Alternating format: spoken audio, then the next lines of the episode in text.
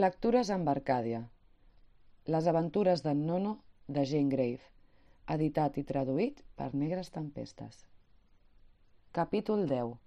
La trobada. La colònia infantil tornava a poc a poc, quan en Nono va veure una magnífica papallona que li va inspirar la idea d'apoderar-se'n. Però quan creia estar segur d'agafar-la, l'insecte, amb un moviment d'ales imprevist, es va posar fora de l'abast de la xarxa – voleiant com si volgués desafiar el caçador que, distret per l'ardor del seu desig, aviat es va trobar lluny dels seus companys.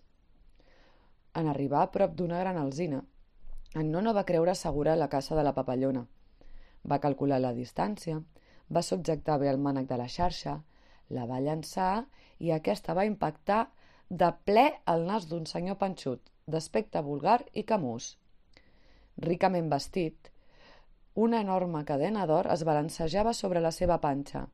La pitrera de la seva camisa estava guarnida amb diamants i una gruixuda gemma vermella brillava al llaç de la seva corbata. Els seus dits estaven plens d'anells i es recolzava sobre un bastó d'or. «Compte, noiet», va dir. «Per poc m'aixafes el nas». En Nono va pensar que seria difícil aixafar-li més. «Suposo», va afegir l'estrany personatge, que no hauràs tingut la intenció de casar-me amb la teva xarxa, la qual, a més, em sembla molt petita. I content de la broma, que li va semblar molt enginyosa, el senyor Gros va deixar anar una sonora riallada. Aquella rialla era falsa, i tot l'aspecte d'aquell home, examinat de prop, distava molt d'inspirar simpatia. En Nono era massa jove per ser fisonomista, i si es va espantar tan aviat va ser per l'aparició sobtada d'aquell home i perquè s'havia apartat dels seus companys i perquè tot d'una recordar les recomanacions d'anar solidària. Però com que intervals sentia els cants i les rialles de la colònia escolar, va comprendre que no devia d'estar gaire lluny i es va tranquil·litzar una mica. Tanmateix, no es va arribar a explicar satisfactòriament com era que aquell senyor tan gros es trobava sota la seva xarxa quan el que ell perseguia era una papallona. Vostè dispensi, va dir el noi. No l'havia vist. Perseguia una papallona que creia caçar en el moment que l'he tocat a vostè amb la meva xarxeta. Li he fet mal? No, no ha estat res. No m'has tocat més que la punta del nas, va dir el senyor Gros fregant sal. Però com és que ets aquí tot sol corrent darrere de les papallones? No estic sol, va replicar vivament en Nono, dominat cada vegada més per un temor vaga. Els meus companys estan jugant al bosc, que no els sent, va dir adoptant l'actitud de qui escolta. Ah, i heu vingut a passejar aquí amb els vostres mestres? No tenim mestres, va respondre enèrgicament en Nono. Són amics, treballen amb nosaltres, juguen i es diverteixen amb nosaltres. Ens ensenyen el que saben, però mai ens obliguen a fer el que no sabem o el que no volem fer. Bé pel fatxenda, va dir el senyor Gros rient maliciosament. Això és el que volia dir. Tu ets d'autonomia, segons sembla, i no et canses d'estar sempre amb la mainada de la teva edat i de fer i veure sempre el mateix? No fem sempre el mateix. Canviem de treballs i de jocs quan i com volem. Sí, però sempre aporteu la mateixa vida, veient sempre les mateixes persones i el mateix país. No t'agradaria viatjar, veure noves contrades? En el país on jo visc, va continuar el senyor Gros, es passa el temps viatjant. Es va al mar, a les muntanyes, jo no tinc altra feina que passejar-m'hi. Només cal tenir una vareta màgica com aquesta, i va ensenyar el seu bastó, per tenir tot el que es desitja. I si no, mira, t'has cansat inútilment corrent darrere d'un insecte que no has pogut atrapar. I jo, sense molestar-me, et posaré a la mà aquest bòmbix que voleia per aquest arbust. I el personatge, aixecant la seva vareta en la direcció que indicava, va fer uns moviments i el bòmbix es va trobar entre els dits d'en Nono. El nen va prendre tímidament l'insecte i el va examinar atentament. Era una femella del gènere dels lepidòpters. Li va semblar que l'animalet el mirava amb aspecte suplicant i que les seves potes s'agitaven convulsives. Té, aquí tens una agulla per punxar-la a la teva col·lecció, va dir el senyor, oferint una agulla d'or en nono. Però aquest va obrir els dits i va alliberar l'insecte, que es va elevar pels aires bronzint alegrement. Malament, va exclamar. És d'una espècie molt rara i hauries pogut obtenir-ne un bon preu si és que no en fas col·lecció. Tens gana? Tens set? Asseu-te, menja i beu. La taula està parada. De nou havia estès la vareta en direcció a la gran alzina, i en Nono va veure, amb una sorpresa inaudita, aixecar-se a una taula amb una gran varietat de plats i menjars, pastissos i fruites, i ampolles amb vins, licors i begudes refrescants de diverses classes i colors. No, no tinc gana, va dir en Nono, que començava a sentir interès per aquell home extraordinari fins al punt que li anava semblant menys lleig.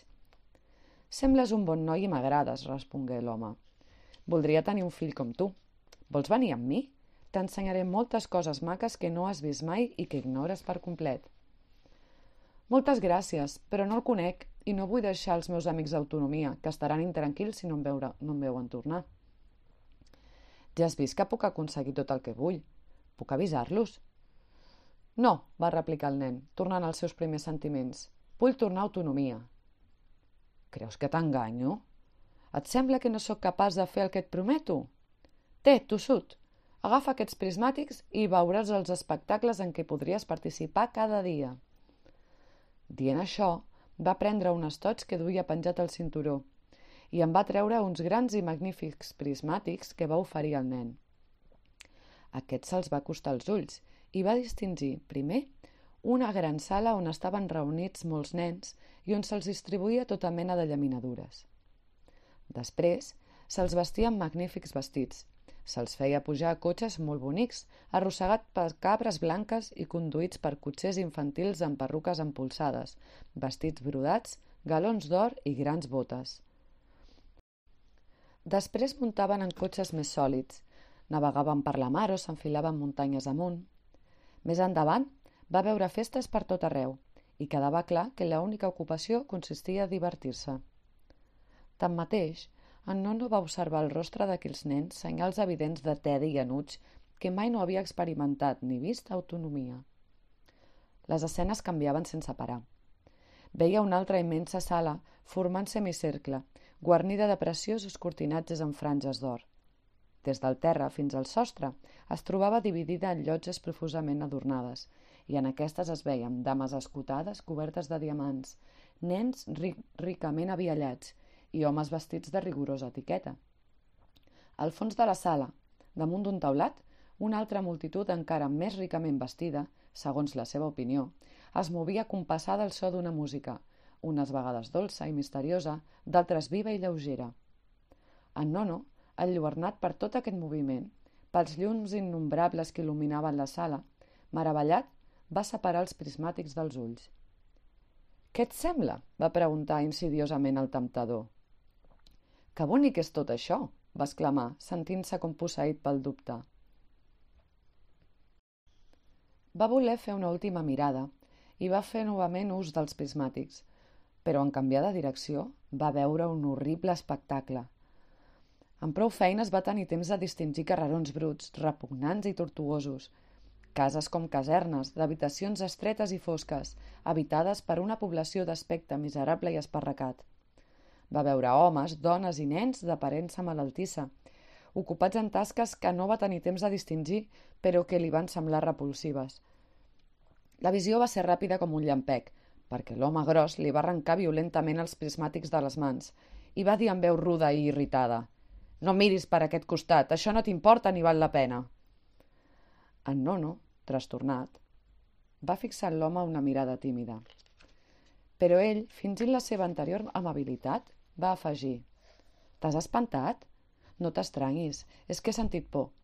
Aquests prismàtics són una peça única al món i no els canviaria ni per la riquesa més gran que es pugui imaginar, i m'ha semblat que els deixaves caure.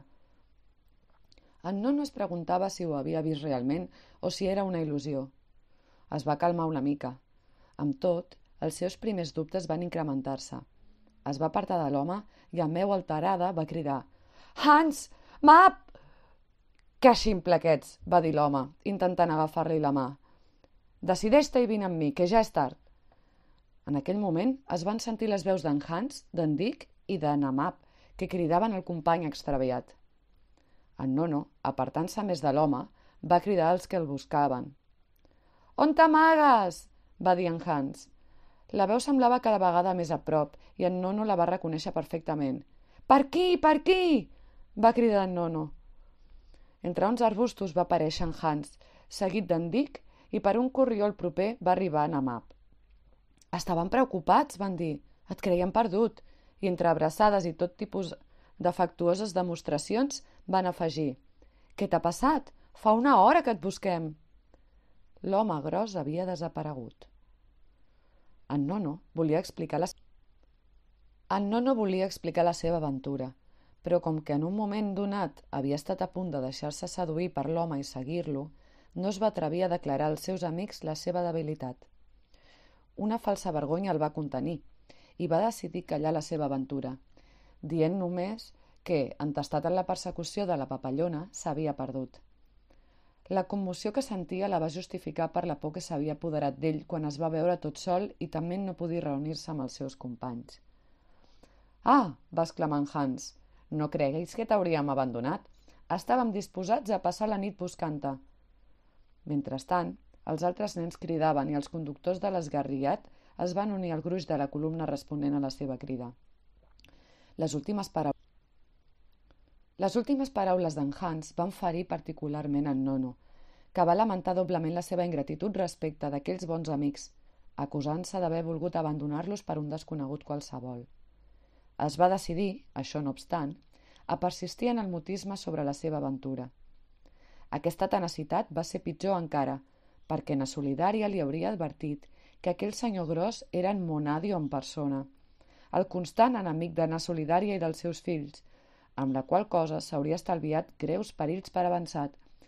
Però és estrany que una primera mentida no n'arrossegui d'altres i que a una primera falta de confiança no li'n segueixin moltes més. Thank you.